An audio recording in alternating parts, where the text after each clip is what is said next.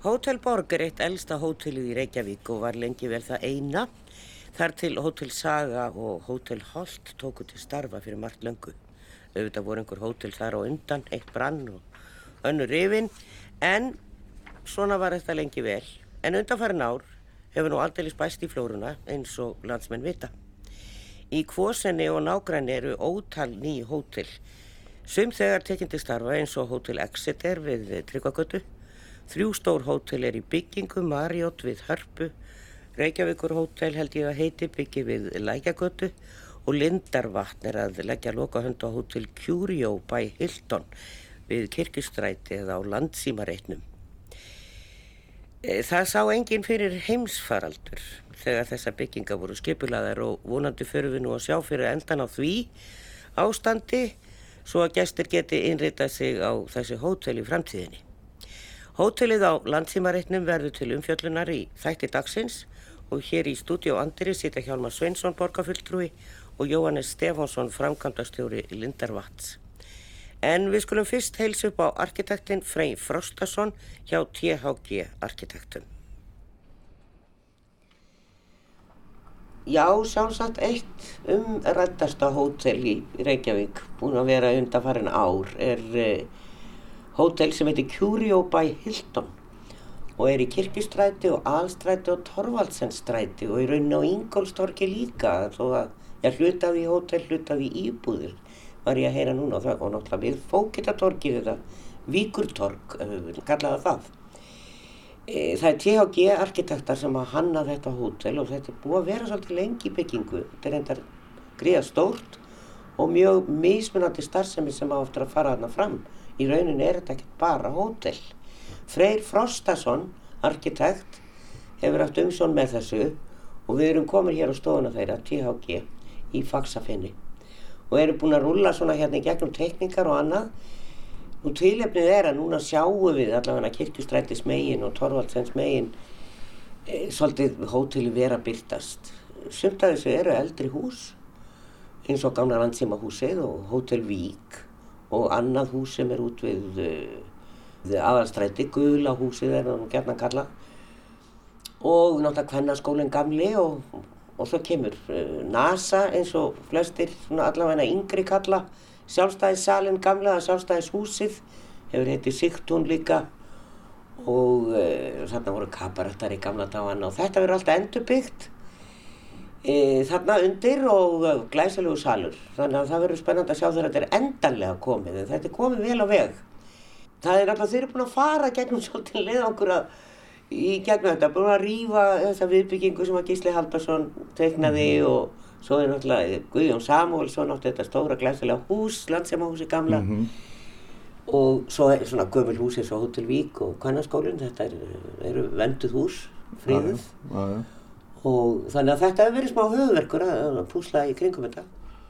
Já, það, það, þetta, þetta, þetta er búið að vera svolítið langlaup og krefjandi en gífilega skemmtilegt og það er allavega þegar við byrjum að skoða þetta fyrst, eh, þetta er 2015 og þá, þá uh, átti í raun og vera að halda gamla húsinu frá 67 og hérna sem var nýjasta, sko, nýjasta viðbyggingi við símahúsi gamla þar inni var gamla símstöðun fyrir bara halva Reykjavík. Og það, og það var óbáslega mikil steipu klumpur og erfitt burðavirkji að eiga við.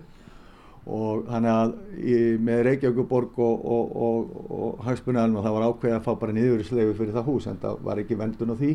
Nei, nei, nei. og mjög erfitt að nýta það. Líka voru gólfæðir erfiðar og fleira. Þannig að, að það var svona, má segja, fyrsti, fyrsti kaplinn í verkefninu, það var að fá ja. það það í gegn síðan lendum við náttúrulega í miklu, miklu diskussjón út af því að þarna var gammal kirkjugarður sem var reyndar var búið að grafa upp þetta í, í tví að þrýgang og, og fyrst þegar það var gert þá sagði engin ekki, ég held að það verið 30 eitthvað og, og síðan náttúrulega þegar bygging gísla kemur er afturgrafið já, já. en fólki var alltaf einu ekki sama þarna þegar þið farið að stað. Þá allt í einu hugsaðna breyting eða eitthvað meiri vendun á sjónamið í gangi undanfarin áreldur en hefur verið áður. Jú, jú, jú, jú. Þannig að það settist ríkigreikningin sem þið legtu líka í deilum við borgin upp á ingangin. Já. Þannig er það, er það þessi atrið búin að töfja? Já, tímalust þetta hafi allt haft áhrif á, á heildar sko, tímalínu verkefnisins um, mis mikið náttúrulega en, en uh, jú, jú, það eru náttúrulega uh, ákveðin mótmæli uh, hérna gegn uh, framkvæmdini af Víkugarsvinum sem var ákveðin hópur sem að hérna barðist á móti þessari uppbyggingu og, og hérna það var strax frá upphafi þá vorum við með mjög færa fordlega fræðinga með okkur og fórum með minjastofnun alveg gegnum það ferli og það var allt gert samkvæmt lög og reglum og, og miklu fjármunum og miklu tíma eitt í, í þar, þær rannsóknir og, og, hérna, og öllu skilað inn og allt unnið samkvæmt, samkvæmt þeirra leiðbeiningum. Þannig að, að í raun og veru var bara öllum, öllum hérna, lögum og reglum fyllt það var eh, sko smá ræma sem að voru gömlu bílastæðin fyrir síman sem að hérna einhverju 7-8 metrar sem var svona hluti af einhverjum hluta uh, gamla kirkjugarðinum. Og þar fundust einhverja minjar sem að sem að voru í raun og veru bara fjallaðar og, og upp í þjóðminnasamt þetta voru ekkert, flóknir en það. Þannig að í raun og veru var ekkert verið að eiga við hins sögulega kirkjugarð sem er víkugarðunum sjálfur sko. Nei, það verið ekkert verið að, verið að fara þær inn. Við skulum ekki dvelja lengur við þetta, það er búið að ræða þetta fram og tilbaka og húsið er komið að þau Akkurat. eru að byrtast og Já. hérna en hvað var lagt upp með? Það þú veist, við erum búin að fara hér yfir marga tekningar, við kannski fáum aðeins aðra aðra tekningu upp, við erum að horfa hérna á grunnmynd með gangulegðum og, og svona ýmsu en kannski svona útlitsmyndu, við byrjum kannski á Ingólstorki bara það sem að Hótel Vík er af því að það er kannski Já. lengst í það og við getum ekki skoða það þegar við förum þetta niður til því að þar er ekkert komið en þá Nei, nei, en, en þar er náttúrulega Hótel Vík verður endurbyggð og Já. svo kemur nýtt hús og svo er gula hús eins og ég kalla það sem er út við aðalstræti. Og svo eru þarna eitt hús sem er svona þannig eins og þessi þrjú hús já, sem er einhvern veginn orðin venjan í dag og má nú kannski fara að endur hugsa það aðeins. Okkur má hús ekki bara vera hús. Og þannig er, er verða íbúðir. Það, það vissi ég ekki, leigu íbúðir og, og, já. Já, það er í raun og veru á þessum bygginglutum vallastræti fjögur og aðstræti sjö sem að snúa að Ingolstorki. Það, það er, er gert ráð fyrir vestlunum og þjónustu og veitinga sjölu á, á jarðhæðum, bara almennisrýmum og, og svo eru íbúðir á öfri hæðum. Það er bara eins og deiliskypulæðið gerir ráð fyrir og við erum bara að fylgja því. En þetta býður aðeins sjá okkur, þið eru ekki komnir það, þarna, hvað hva, hva er planið með þe- þessa hlið á Já, það má eiginlega segja að þess, þess að það lóður að þetta sé svona e, síðasti áfangin í, í heildarverkefninu sem er náttúrulega allur landsíma reyturinn fyrir utan gamla miðbæðamarkaðin. Þannig að þetta er svona, má segja, sé síðasti, síðasti áfangin. En við förum svo út í Torvaldsjanstræti og, og Já. þessar, þessi gamli kvennóer og hérna og, og, og landsímahúsi, þetta eru hús ástæð sem er búin að standa þar í fleiri, fleiri ár Já, og þau byggið þar framan við, alveg út í götuna, út af kirkjustræti, þar var alþingi eitthvað ósamála og ósátt við að það væri byggt út í götuna. já, eða sko, þeir, þeir svona, e, ég veit ekki alveg hvað maður myndi segja ósattir sko, vegna þess að þeir vildu bara eiga ákveð samtal um hvernig e, byggingunum erði, erði snúið og hvernig ingangar erðu og, og líka bara framkvæmda þátturinn. Það er alltaf mikið öryggismál fyrir alþingi að, að, að gatan sé greið og það sé, að það sé ekki sko mikið að fólki að safnast fyrir utan einhverja inganga inn í hótel akkurat við, við hérna drop-offið á, á al, alþingi. Þannig að það var bara, við áttum mjög gott samtal við, við alþingi, við áttum fjölmarga fundi þar sem að þessi mál voru bara leist á, á, á mjög, mjög góðan hátt, myndi ég segja. En þú segir mér, það er náttúrulega, eins og ég segi, NASA, við skulum bara kalla það það, sem að er uh, músikstaður og, og hérna hefur verið það núna í fleiri, fleiri ár. mm Það er uh, talað um galleri eða listasal já, og, og náttúrulega veslarar og þjónustu, ímiskonar og veitingastæði. Var lagt upp með þetta alveg strax að það erði fjölbreytt, svona almenningsrými getur við sagt sem að kemur kannski ekki endilega bara hótelinu við. já, í raun og veru þá, þá er eiginlega reytur býður bara upp á það að hann, hann sko, uh, má segja, hann, hann snýr í fjórar bara uh, áttir og þetta er eiginlega, eh, svona, má segja, miðpunkturinn bara í kvosinni og snýra helstu torgu miðbæðarins að þá náttúrulega liggur eiginlega ljóst fyrir að þú vilt opna jarðaðina að torgunum og, og, og búa til almennisrými hvort sem það er vestlun, veitinga eða önnur þjónusta þá viltu í raun og veru sko hleypa almenningi þetta inn í jarðaðina og, og við erum að leggja mikið upp úr því að, að þessi jarðað verði alfari opið fyrir almenning og það, þarna verður hægt að sækja þá eh, hvort sem það er menningaviðburði, veitingar eða, eða, eða annað sko. Það við erum að gera fyrir heilsulind þarna á staðnum og, og fleira þannig að þetta verður mjög fjölbreytt og, og, og mjög spennandi bæði fyrir hótelgæsti og síðast er ekki síst fyrir almenning. Það má kannski segja að Hótel Loftleðir eða Hótel Natúra eins og það heitir í dag hafi svona verið fyrsta hóteli hér sem að byrjaði með að það væri sundlaug sem var opinn almenningi, mm það voru veitingastæði niðri og bar og, mm og annað. Eh, annars hefur þetta alltaf bara verið svona venilegt lobby og maður á ekkert erindi og maður stundu finnst maður jafnvel, finnst maður jafnvel að maður sé óvelkomin. Ég mitt, já já. Það, það, það er kannski, þetta er nýjar áherslur?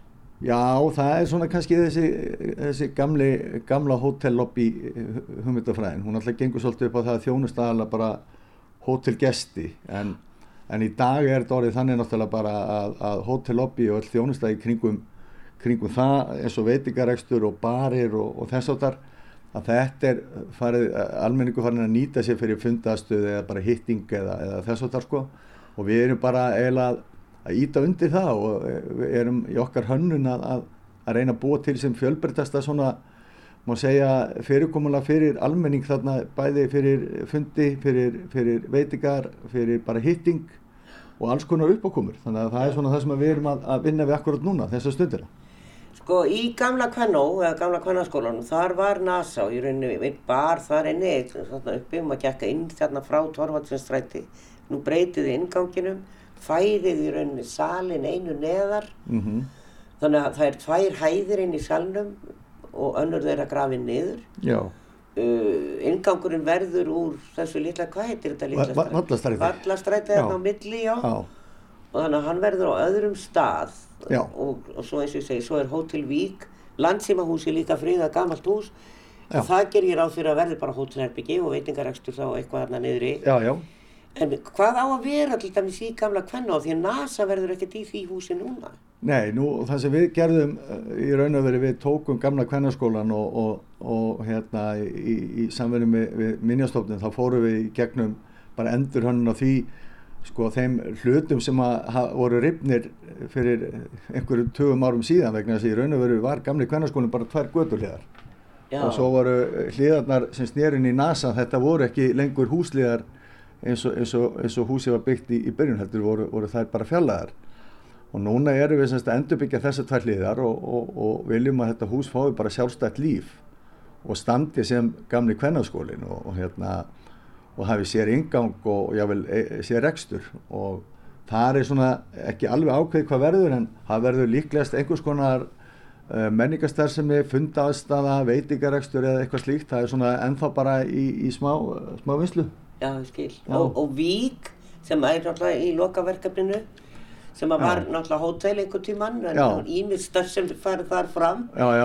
Og verið uh, tölvuleikir og bakari og bakari, ég fá bakari hérna, við vorum hérna með leiklistaskóla Sál þegar ég ekki var í skóla. Og þá var nú bakari neyri og ég, maður sakna þess svolítið að það sé ekki bakari lengur þetta mm en, en þar niðri er náttúrulega möguleik á því svo sem eða hvað? Já, já, ef, einhver vil það er alveg hægt, það, það er náttúrulega verið að endur gera húsi með það fyrir, fyrir sjónum að geta verið með bæði veitingar eða vestlunarekstur í húsinu og, og, og þá er hluti húsins getur verið uh, á tveimur hæðum jável, það sem er gengið beint inn á gött og gengið upp halva hæði eða niður aðra halva hæð Þannig að það er ímislegt eh, í bóðið þarna og hvort sem það er fyrir eins og ég segi, fyrir veitingar eða, eða vestlurnarekstur. Það, það er svona ekki búið að finna legutaka þarna ennþá en það er bara í vinslu. En hvernig hefur gengið að gera upp þessi hús eins og vík? Ég, ég veit að það er búið að fara í gegnum allavega breytingar á öllum þessum árum og verið málað í öllum regnbóa slitum þarna innan dýra og e, sömu leiðis náttúrulega e, hefur Kvennaskólinn og NASA sem var búið, það var búið að rífa allt út þar. Já. Það var ekki til að þessum gamlu innendingum. Mm -hmm. Hvernig hefur gengið að gera þetta upp og setja uppröðlega mynd? Það gengur náttúrulega bara uh, ágætlega sko. Þetta er náttúrulega mikið púslispill og, og, og þetta er talsveit mikið um svona ákveðna úttektir og, og fyrst það náttúrulega byrja að taka innendingar og innan byrði veggja að innan og skoða börðavirkið. Að tók hvort að börðavirkið séu góðulegi burðavirkið þarna er í svona ágættislægi, það mun vera vonandi hægt að nýta sem mest að því. Uh, og svo hefum við bara átt svona samræmingafundi með minnjastofnir reglulega á staðnum til að fara í gegnum þessi atriði og fengið bara mjög góða punta og, og, og mjög fín samvinna með, með þeim var þetta í lausnir og, og framkvæmt sko. Þannig að, að þetta mun bara, þetta tekur sín tíma, þetta er tímafreg sko framkvæmt og það eru svona ákveðni verktaka sem taka að sér svona, svona smíðavinu að gera gummur hús, það er ekkert allir sem að kunna hlaupi, sem kunna þetta vegna þetta er ákveði handbrað og, og ákveði smíði sem, að, sem, að, hérna, sem krefst svona, svona hérna var þetta uppgjara svona húsum. Freyr, ef við ekki að bregða okkur að það nýrður og skoða okkur um eins og segja, það er, hótelið er að byrtast og Endilega. skoða svona upplifa staðin aðeins. Endilega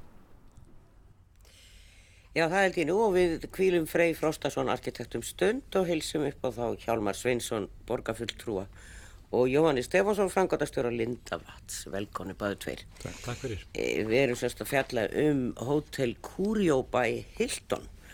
Þetta er búið að fansi nafn, Jóhannes. Já, þetta er það og þau eru ekki, þau eru ekki nýgreðangar í þessu Æslandar Hotels að, að velja nöfn og markasetja hótel hérna á Íslandi og uh, mér skilst nú þetta nafn Curio er svolítið að vísa til þess að, að þeir sem þanga að koma þeir séu forvittnir um að upplifa uh, sögu og menningu þjóðar og, og upplifa staðinn sem, sem að við erum að byggja á og eru þetta uh, mjög sögufrægur og merkilug staður.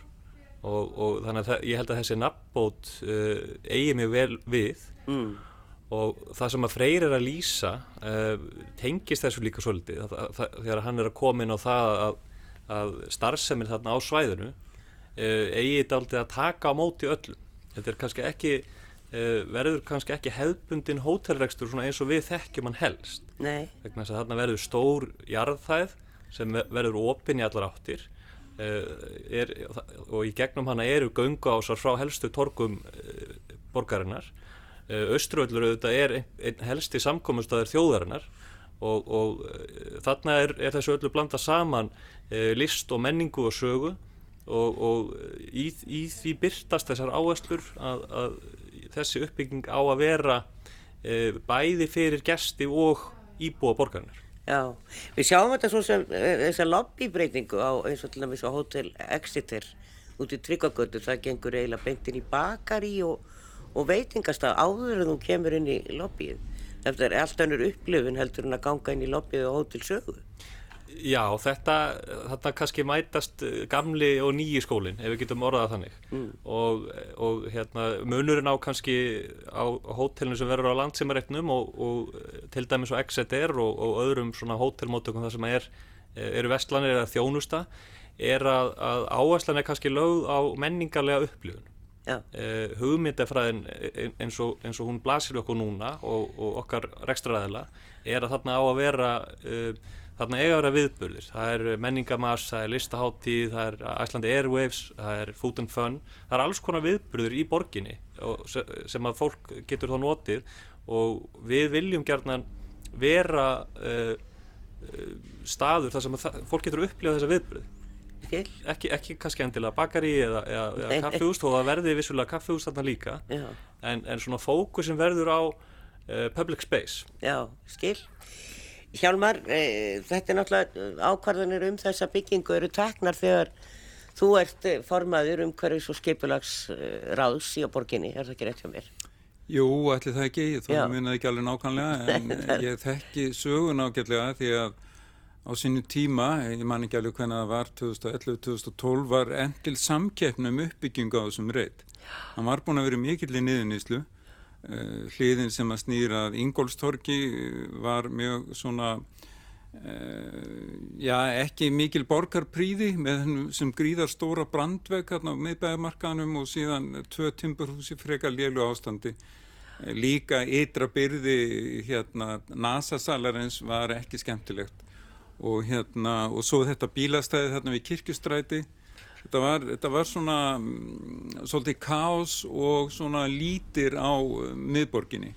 Og það var semst endil samkeppni og það er þessi tillaga sem að hefur verið byggt eftir ef að gert eiliskipulag mm. eh, sem, sem að vann eh, með minnir að vera askarkitektar sem að hérna unnu þessa samkeppni. Og það er einmitt gert ráð fyrir og þá má, má ekki gleyma því sko og þeir ætti að rifa þau upp að áður en að deiliskypulags til að var samþygt, ég man ekki alveg hvað, hvort það var 2013-14 að þá uh, voru rauninni nýðurífsheimildir að því þá var í gildi deiliskypulag frá svo kallar kvosarskipulag sem, sem er mörgulegt gott skipulag og framsæki skipulag en það, það heimilaði nýðurif bæð á gamla Hotel Vík og líka svo aðalstæði sjö sem er Guðlahúsið sem var kallað Brynjólfsbúð og raunar líka á uh, gamla kvennaskólanum. Lægt að segja. Já. Já, og hérna þetta voru bara aðri tímar önnur við þó, síðan var kvennarskólinn fríðaður en eh, allavega þetta deiliskypilaga það var til þess að það var ekki lengur heimilt að rýfa niður þess að komlu timburhúsaröð þarna við vallastræti. Já. Þannig að þýleiti var þetta hérna eh, verndunarskipilag og það var svolítið rík áhersla í þessari tillögu eh, sem að vann og þá í deiliskypilagstillugunni líka að nýbyggingarnar skildu fletta sig inn í þessa gömlu byggð og að mínum að hefur það tekist alveg ágætlega. Já. við gerum það reyndar að skilir því að það er ekki hótelstar sem, sem að snýr að yngolstorki að því okkur fannst vera þá að hótelstar sem er væri honum svolítið yfir þyrmandi þarna. Það er jókominn hótel við aðalstræti og svo framvegis. Og svo langar mig líka og það er eftir að taka það fram að að sko borgin var í sjálfu sér ekki, ég hafði ekki engan sérstakann áhuga því að þarna er í þessu hótel en þetta var skilgreynd sem atvinnuhús eða atvinnu, atvinnusvæði, atvinnuhúsaklasi og þar með gætt borgin ekki lengur skipt sér að því hvort að lóðarhafar kísu að vera þarna með e, skrifstofur eða hótel eða, eða eitthvað annað sem að má verið svona miðborg. Þannig að sagt, eh, það hefði alltaf verið kært og borgin hefði verið neitt til þess að draga þá ákvönu tilbaka ef hann hefði sagt nei ekki tótel takk fyrir þarna eiga að vera skrifstofur. Ég held reyndar að það sé miklu skemmtilega að hafa hótel þarna og eins og því hefur verið líst með opnu almenningsrými og slíku heldur en skrifstofuhúsnæði sem er bísna dögt um kvöldin og um helgar. Þannig að ég vænti mér bara góðs að því og líst ágætlega þessa lýsingu. Já. En þetta eins og ég er búin að vera reykja þá þá á þetta sér ákveðna sögu og hérna því að það var daldi umdelt á sínu tíma þessi bygging sem að kemur við kirkustræti mínum að er hún vel hefnuð og hérna þarna var bílastæði áður og svo þessi bygging frá 67 og hún uh, rýmar ljómandi vel við gömlu timburhúsin við kirkustræti og hérna en það var einmitt gert ráð fyrir því í kosarskipulægin að þar er þið byggt Þannig að kvósarskipulagi lifir af þessu nátt ennþá svona nokkuru leiti mm. í þessari uppbyggingum sem, sem að nú er sér stað. Nákvæmlega. En, en þið komið ekkert að þessu, á þessu stíi er það Lindavat, það, það var annar eigandi af þessu, þessari lóð. Já, það er rétt. Eh, þessi lóð og þessar fastegnir eru búin að vera í eigu ímissa aðila í marga ára tugi og, og það hafa verið ímiss áform uppi um uppbyggingu þarna á svæðinu og, og eins og sérstöðu þetta á skipilæðinu frá 87, kvosaskipilæðinu, að þá hafa verið áformum að gera þarna atvinnustarfsemi í langan tíma. Mm. en einhvern veginn ekki auðnast að koma því af stað. Og fyrir vikið þá hefur þetta svona eh, vantilega hægt og bítandi litið niður. Og, og ég verð bara, ég er alveg sammála hjálpari með það að þetta, þetta, þessi reytur var ekki mikið borgarpríði eh, svona áður en að við tókum til handana að, að byggja þetta eh, eh,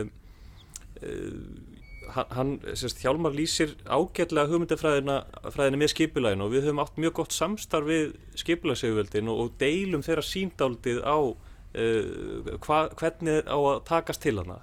Og, og, og skipulægið hérna frá uh, já, sem er unnið að áður en við hefist handa það, það líka okkur bara ágætlega. Við vorum svo sem ekki sammála um allt til dæmis húsin við Ingolstorg en gott og vel, við erum komin vel áleiðis og erum á lokaspretturum í frangandinni og uh, það sem ég myndi kannski vilja segja um verkefni á þessu stíi er að þetta er, þetta er búin að vera dál til þrautaganga uh, það hefur ímislegt gengið á. En skilabóðin sem við höfum fengið undarfarnar vikur og mánuði það er, það er segja okkur það og sannfár okkur um þetta hafi allt verið þessi virði. Og ég held að þeir sem að gangi þarna um og sem fari um svæðið að þeir sjáu að við erum að vanda til verka.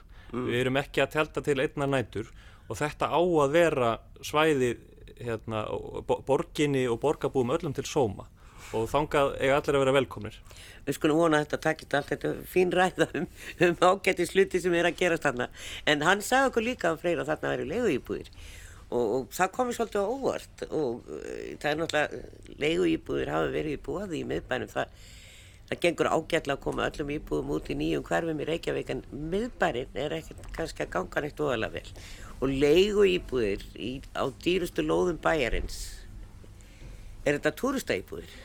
Þú ert alltaf að heita naglan á höfu þarna. Eh, auðvitað, skilmál á skiplasins hveða eh, áum að þarna eigi að vera íbúðir og við höfum verið að eiga samtal við skipulagseguvöld uh, hérna, um, um þessa, þessar íbúðir núna um nokkurt skeið. Og það blasir eiginlega bara við og, og eins, eins og þú svona í að ræði að kemur að e, þetta eru lóðir á einhverjum dýrasta byggingarætt á landinu e, í friðuð húsi. Og þær eru frekar littlar, þær eru flestar um 50 fermetrar.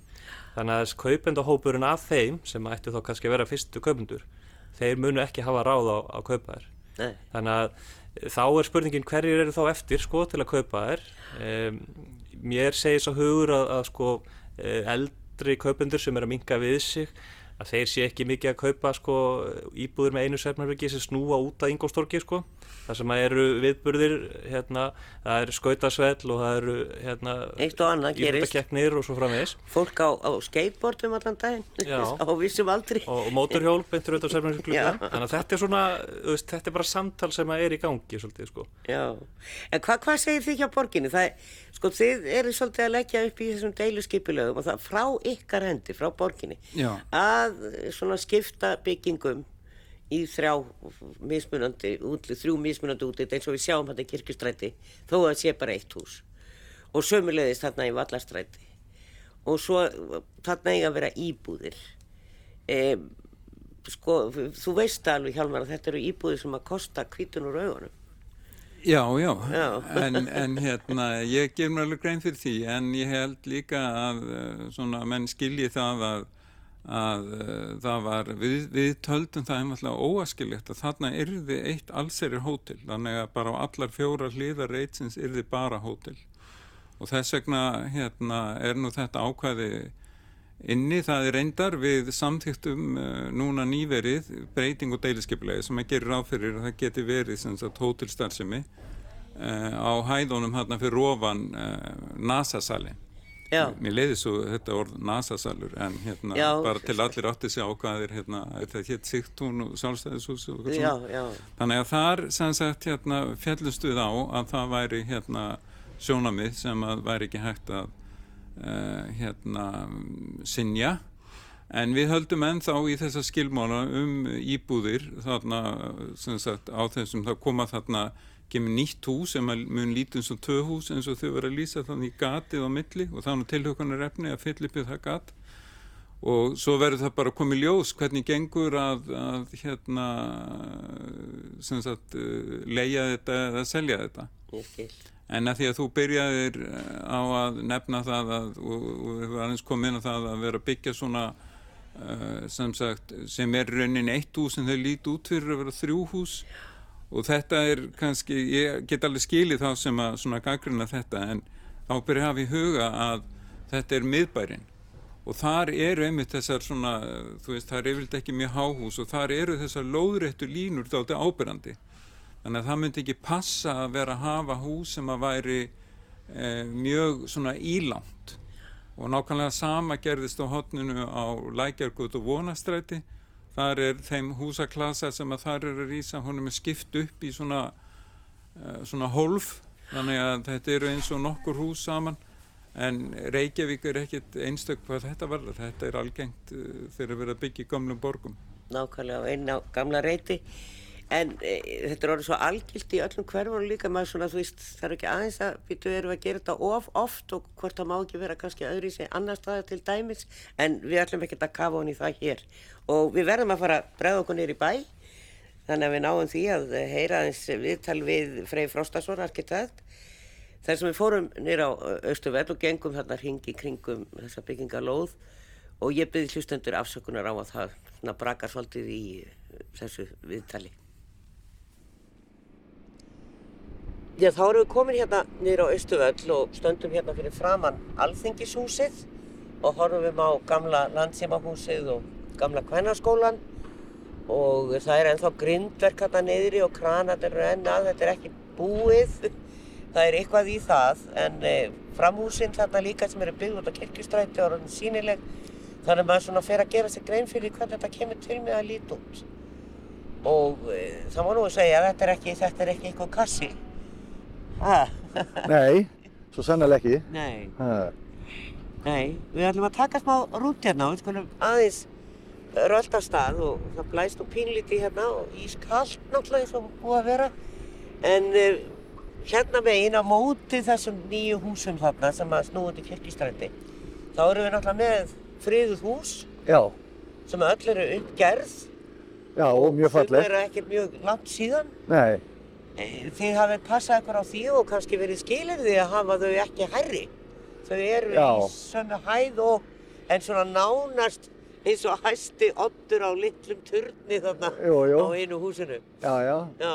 Það má eiginlega segja sko að, að þessi götulhissi snýra kirkistrættuna, hún sé svona eitthvað að kallast á við þessu gömlu byggð hérna sunnamegin og bæði uppbróti og, og gluggastærðum og, og það er ákveðni kvistir þó við sem að taka þetta svona og, og nútíma væða kannski útlit, útlitið og, og svona þá hefur verið að halda í ákveðin klassísk form og, og hlutföll má segja. Já, já. Voru sætt einhver skilirði með það? Já, þetta var í raun og veru bara, þetta dreif bara beint úr deiliskypulæginu. Það var, það var, það var krafist þess að þetta er þess að brotið upp í þrjár svona, þrjá húskroppa má segja. Þó að þetta sé eitt hús að þá þá lítur þetta út fyrir að vera svona þrjú hús og, og þá var gerð krafa um það bæði í, í formi og, og litavali en það er þá brotið upp Já. þannig. En sko talandu um það að uh, það er nú margir arkitektar sem hafa orðað því út af því að eins og ég sagði á þann að, að það er verið að breyt, taka eitt hús og setja það á það þrjár hliðar þannig að líti út eins og þrjú Já. en er svo bara eitt hús. Einmitt. Þetta er svolítið í, þú segir þetta er í deilaskipilagi.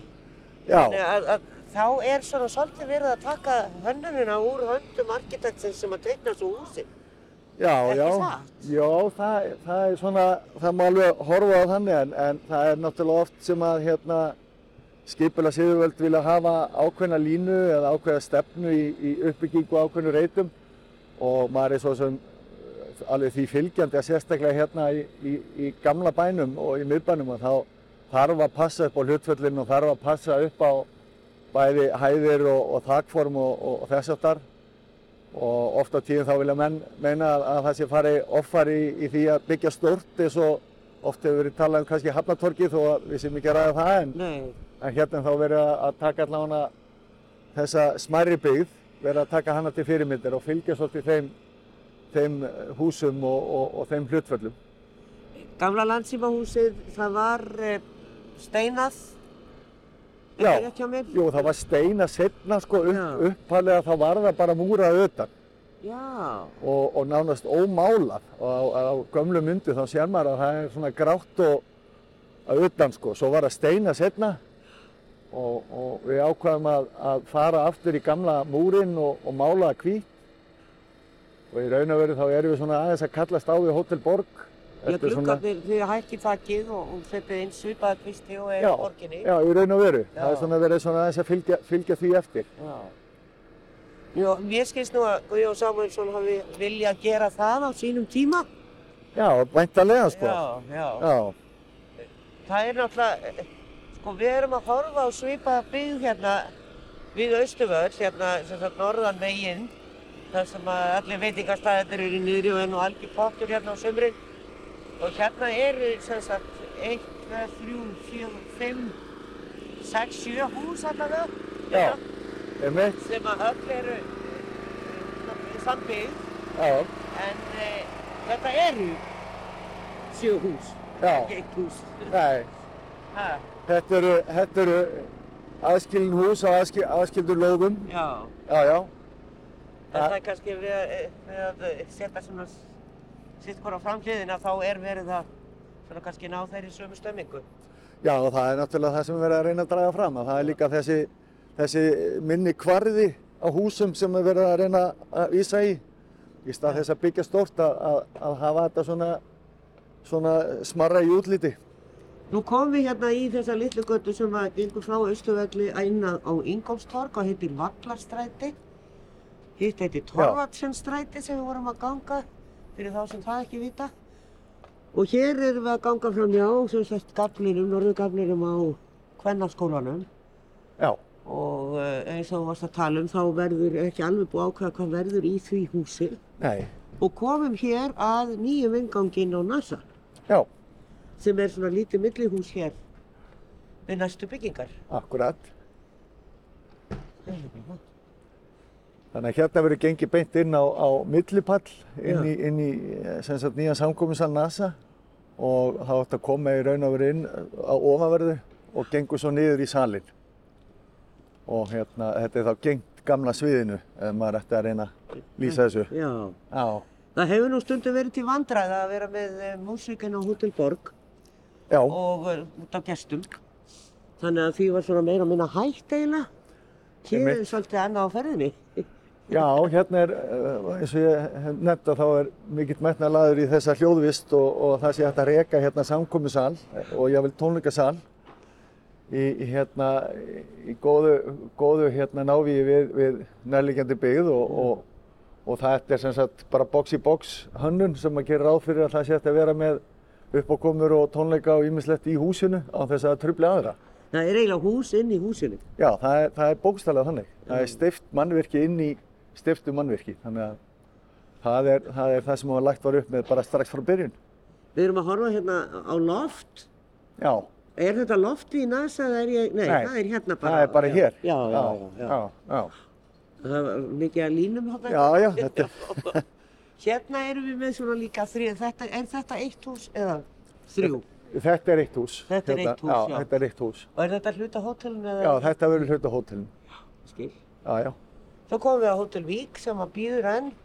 Já. Og verður í loka áfanga. Akkurat. Og það er sem sagt bara búið að taka utan á því allt saman. Og Já, það er búið að að taka, vinna í því. já, og það er Hvað búið, komast þeir inn í húsið? Það er búið að loka. það er búið að loka loka þessu. Það gengið inn bæktira megin Já. og hérna, en það er, það er raun og verið eins og ég sagði að þá er þetta, verður þetta síðasti áfangin í framkvæmdinni. Og svo erum við með þessa hörðu baklið á gamla miðbæðamarkanum sem er gluggalaus. Já, og bil hérna á milli gömlu húsana, þar sem kemur þá nýtt, nýtt hús með undirgöngu sem tengir okkur beint hérna yfir í Víkugar. Já, með undirgöngum. Já, en hérna- það verður hús hérna á milli. Hérna kemur hús á milli, já, og, og svo verða hérna hægt að ganga undir það Já, ég skil. beint inn í, inn í hérna, Já. að já. Og hér eh, er myndir hvað bara brunanum í Reykjavík. Já, hérna eru bara á, Sögulegar myndir. já, það var farið í gegnum aðeins sögu reitsins og, og, og sem er náttúrulega mjög merkilegt. Hérna er nú mynda gömlu Hotel Vík, Já. sem að hérna, sem Það að er svo sér. vanur að horfa á það raust að þetta er að hvítt. Já, einmitt. Já. Þannig að hérna er svona þessi í raun og veru saga reitsins. Hérna sérðu á þessari mynd þessa, þessa nýbygging á milli gömlu húsana sko. Já, ég skil. Þessar tvær strítur hérna sem koma. Já. ég Já. skil. Það er svo sem, já. Það er ekki byrjað á henni. Nei, það er ekki byrjað á henni. Já. Nákvæmlega. Heyrðu, Við skulum fara hérna og Já. enda þetta hérna út á Víkurtorki. Já, Við erum komin út í aðalstræti og hér er nú búið að breyta eins og við vitum að hérna út á enda það er allt nýbyggt líka eða þannig nokkra ára gamalt. Það sem var byggt í gamlum stíl og akkurat. reynda að apa eftir fjallakettinum og, og svona eitt og annað gata inn í húsinu og svona smart skemmtilegt þarf og fólk hefur bara verið ánægt með. En miðbæðamarkarinn hérna gamli, hann stendur náttúrulega þá og Já. verslanir hér sem er orðna nokkur rótgrónar en svo eru alla öll þessi verslunarrými og veitingarrými sem eru komin í borgin og það bætist enn í hér. Já, hva, hvernig líst þér á það? Heldur þetta komið til með að fyllast allt saman? Já, ég held það. Ég held að, að sko, miðbarinn mun alltaf halda sínu sjarma og, og, og svo lengi sem við sækjum hann og, og fáum ferðamennin aftur til okkar þá held ég að þetta muni ganga allt upp og, vonandi bara nær miðbarinn að að styrkjast enn frekar með fjölbreytnari svona aðþreyingu og þjónustu og veitingarekstri og fleira. Já. Við erum komið hér að skúla fókjata og núna sér maður nú ekki gaflana því að þið eru með vinnuskúra hérna á þremur hæðum Með meitt. sem að, en hvað er þetta að tvakka langan tíma því að mér finnst, sko, það er alltaf bæði uppgjör á gamlum húsum Já, og nýbyggingar og niður rif. Þannig að er þetta eitthvað búið að taka sérstaklega langan tíma eða er þetta bara eðlilega byggingarhæði? ég held að þetta sé sko ekkert óeðlilegt miða við sko þessa staðsetningu og flækjustíið og, og þetta það séu uh, hérna þrjú uh, mjög friðið hús sem er verið að byggja við og, og stórt hús sem er með götufriðun sem er gamla landsimúsið og talsveit mikið að nýbyggingum og, og, og þess áttar að þá bæði hönnun framkvæmt og öllum leifisveitingum þá hefur þetta bara verið mjög flóki og tímafrekt. Já. Ég kem að þessu 2015 fyrst og, og, og nú er komið 2021 þannig að maður er svona, þetta er búið að vera langt ferli en, en eins og ég hef alltaf sagt, þetta er búið að vera gífulega krefjandi og skemmtilegt. Þannig að Já, en svona kannski þá hafið ykkur, gerir ykkur einhverja hugmyndum hvenar þessu líkur, algjörlega, bara þannig að það verið búið að gera upp í Ingolstorg og byggja það sem þar á að byggja og þannig að reyturinn verði orðin eins og hann á að vera. Við erum að vonast til að það verði á þessu ári. Ég, svona? Já, við erum að vonast til þess. Já. Það er svona, það, það er draumurinn en, en það er svona svolítið erfitt að vera að í framtíðina akkurat núna en, en En allavega þessi fyrsti áfangi sem er, sem er hótelið og, og þessi hérna, tengd starfsemi að, að það gerist á þessu ári, hugsalega verður hitt eitthvað en setna en það er bara svolítið, svolítið óvíst. Þannig að hérna, en það er verið að, fram, já, það er verið að hanna, klára hanna og það er verið að framkvæma fullu þannig að, þannig að það er ekki, ekkert verið að stoppa það. Það held ég nú. Og þar með kveðjum við Frey Frostason arkitekt hjá THG arkitektum og höldum áfram hér í stuttastund í stúdíu Andri með Hjálmari Svensinni og Jóhannesi Stefánsinni. E, ég er búin að tala svolítið mikið um þessa blessuðu gabla sem að eru skiptir upp. Svona þannig að þið séu lóðréttir og það líti ekki út fyrir að byggingin sé stór þó að það sé ein bygging. E, þessi krafa er mjög víða en hún var til dæmis ekki á Hafnatorki, Hjálmar. Þar var reyndar ekkert áður en, en við, það er náttúrulega ekki langt í gamla miðbæinn þarna, Já, sunnan við. já, já, ég veit ekki hvort að þessi krafa um nákvæmlega svona úthærslu er svo víða. Það er bara bundið þá við mjög, hérna, við miðborgarsvæðin sérstaklega. En svo sjáum við bara í ýmsu nýbyggingakverfum að þeir sem er að byggja, þeir kjósa að hafa svona uppbrot í húsunum. og hérna þannig að þetta sé ekki eins og, eins og var byggt svo mikið hér einu sinni svona langar blokkar stangir sem að standa stakstæðar við einhverja stórar umferðagötur og stórar lóðir allt í kring þannig að uh, það er svona það er ekki endilega kröfu borgarinnar sem að menn uh, kjósa að vera með þessi stóru hús uh, uppbrotin ákveðin hátt þetta er svona bæði lóðréttum og láréttum línum En þú minnist á Hafnatorki, þar var, þar var ekki sett fram neinn slík krafa en það eru þar allt önnur viðmið. Þar eru ekki að tala um fingerða götumynd eins og er í kirkustræti heldur þar eru við að tala um mjög stór svona yðnaðarhús eins og Hafnarhúsið og Tollhúsið sem þetta eru mjög stórar, já, gamla, gamlar vörugemslur og skemmur Þannig að þar var tekið meira miða því að það sem að kæmi á Hafnatorki e, væri þá meira í takti þær byggingar sem eru þar fyrir Mm, og náttúrulega sem þróðust bara sem svona þjónustu byggingar við höfnina. ég skil. Eh, Jóhannes, NASA, það er, þó, ég er svolítið sammála hjálmar mér finnst þessi salur eigi að fá nýtt nafn. Mér finnst þetta einhvern veginn ekki, en það yngri, yngra fólk þekkir salin einungis undir þessu nafni. En eldri þekkja undir Sigtúni og sjálfstæðishúsið. En e, þetta er náttúrulega mjög vinsætt staður og, og mjög passlega stærð á hannum fyrir svona vinsætti hljónsettir. Tekur svona þægilega fjölda þarf ekki að vera að fara inn í einhvern stóran tónleikasal og þarna er hægt að dansa og annað og sitja við borð og fá sér drikk En ég fannst hérna svolítið þegar ingangurinn kemur hérna úr vallastræti að því maður kom inn frá tor Torvatsinstræti og þá Mhm. horfður maður beint á sviði þegar maður kom inn e, sem sagt í austur, vestur Mhm. e, en núna finnst maður einhvern veginn vera í norður, söður er snýr salurinn öðri sig? Nei, salurinn snýr í raun eins og, og við höfum lagt aldrei upp úr því að, að sko, þó að við séum að byggja salin með nýjustu tækni í, í, í útfæslum hljóðvist, hljómburði og, og, og svo framvegis að þá höfum við lagt aldrei upp úr því að formið á salinum haldi sér. Og sérst, allar innréttingar og litir og form og, og e, þú fórst nú með freyð þarna inn í salin, ekki satt? Nei, ekki núna. Þú fórst ekki að Nei, nei, nei. En, en þegar maður kemur þarna inn að þá sér maður alveg þetta er eh, svo til, eða til þess að gera í raun sami salurinn e, þó þú gangir inn á annari hlið en, en um leiður komin inn í nasasalinn að þá ætti ekki að vera mjög mikill munur á upplifunni nema að það verður hérna kannski fullkomnari hljóðvist og, og hljómburður Já. en við, þetta er alveg rétt, við finnum alveg fyrir því að það er mikil eftirvending eftir að NASA-salurinn ef, að- ef, ef, ef við notum það nafn á Já. þó við, við auðvitað svo sem vitum ekkert hvort að nýjir ekstraðali muni breyta því, ekki kemur í ljós en, en sem sagt, eh, við finnum að það er mikil eftirvending eftir þessum sal bæði bara út af fortíðinu og sögunni en líka vegna þess að þetta er einmitt eins og nefnir uh, eitthvað sem vantar inn á, inn á uh, hvað við segja, bara á sviðið, bara vantar inn á sviðið það er einhver tónleikastæðir eftir í Reykjavík nema pínu litlir. Mm. og, og svona uh, fínir svo sem, sem slíkir en, en, en það vantar svona þessa millistærð. Akkurat. þurfu ekki að fara í háskóla bíó eða hvað þá hörpu. E, ég, mér langaði að spyrja þig Hjálmar áður en yfir líkur að, að hérna, að því að margir eru áttinn þreyttir á eilum framkvæmdum í miðborgin þetta er búið að vera upp og niður lögavegin og hverfisköttu og, og náttúrulega allt hafnatorki sem er enni á fullu þarna og líka í lækjagötunni margir vilja bara sjá ok fyrir, þetta að klárast. En eftir að þetta hótel er komið og þessi bygging á allar þessar byggingar þá á að fara í framkvæmt á torkinu sjálfu. Það er samkeppni framöndan um Víkurtorki Já, það var ákveðið að gera það eh, vegna þess að Víkurtorkið hefur verið í svolítið báborna ástandi. Þetta hefur ekki laða til sín mikið af fólki þó þetta snúið mjög vel við sólu og síðan mörgur liti frábært, frábært staður.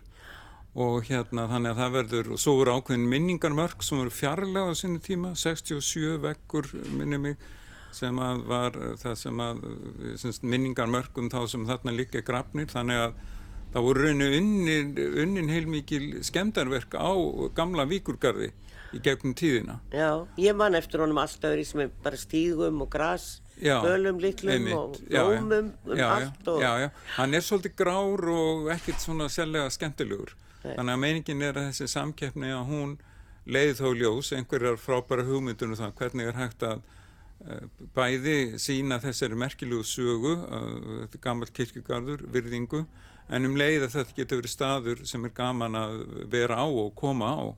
Og það tengi síðan þarna handan gödunar í kringum aðalstræti 10 þar sem að er búið og verið að stækka sapn uh, í rauninu um sögur Reykjavíkur. Að því að þarna á þessum slóðum eru þetta landnámsetriðir þarna við hliðina. Þar eru minjar um alfyrstu byggðina í Reykjavík.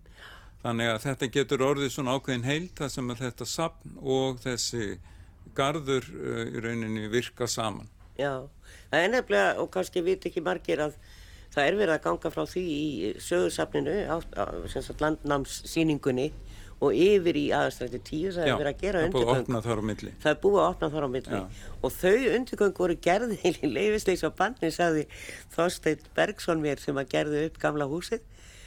Þau voru ekkert mjög hrifnir af því í borginni þegar hann bara gerði þetta og, og sagði það verður á endanum þarf fyrir þennan gang já, já, sem að reynist rétt. Sem er ennist rétt, það Já. var ágætti og Þorstinni og, hérna, eflust dæmi gert fyrir hans framsýni. Já, nákvæmlega. Við komumst ekki mikið lengra en svona, eh, kannski örstu til í, í lokin e, hérna e, allar þessar innréttingar sem við erum að missa og höfum mist í gegnum tíðina úr naustinu, úr Reykjavíkur apoteki úr Jakob, Egil Jakobs Agli Jakobsen í Östustræti búðinni. Og svo verður mann að hugsa til landsbankans einhvern veginn, hann fer að loka þarna í Östustræti þar eru málverk á veggjónum og annað er borgin eitthvað að, að hugsa meira um innviði húsa svona í framtíðinni heldur en hefur verið gert Ég veit ekki alveg hvað ég á að segja það. Ég held, samt, ég held að sko, borgar yfirvöld láta sér alveg jafn amt um þessa innvið og þykir jafn vænt um þá og öllum öðrum. Og hérna, þess vegna er það líka gott að NASA-salurinn skulle vera byggður í upphæflöri mynd. Það var mjög sestakur og svolítið sjálfmærandi þessi litli salur og hérna mm, þannig að eh, en þú minnist á landsbankan það verður talsverður vandi að ganga frá því almennilega þegar að, það, þau hús verða selt sko. Nákvæmlega, já, Jóhannes. Sko ef ég má bara skjóta inn með innrýttingar, það er gaman að segja frá því að uh, við höfum haldið til haga gömlu símakljónum úr landsímhúsinu og, og eigum þá til og við ætlum að gera þá upp og, og nota þá inni í byggingunni. Uh, það, það verður Freyr og hans fólk sem sérum að, að koma því fyrir en, en við erum að reyna að, að svona halda í söguna þar sem við á á, á, á sama tíma og við erum að, að skrifa hana. Já, getur kannski útvarpi lánað okkur eitt góðan hljóðunema frá upphafi útvars 1930 en eh, Jóhannes Stefánsson, Frankvæntastjóri Lindavats og Hjálmar Sveinsson, borgarfylltrúi, þakku fyrir. Takk fyrir.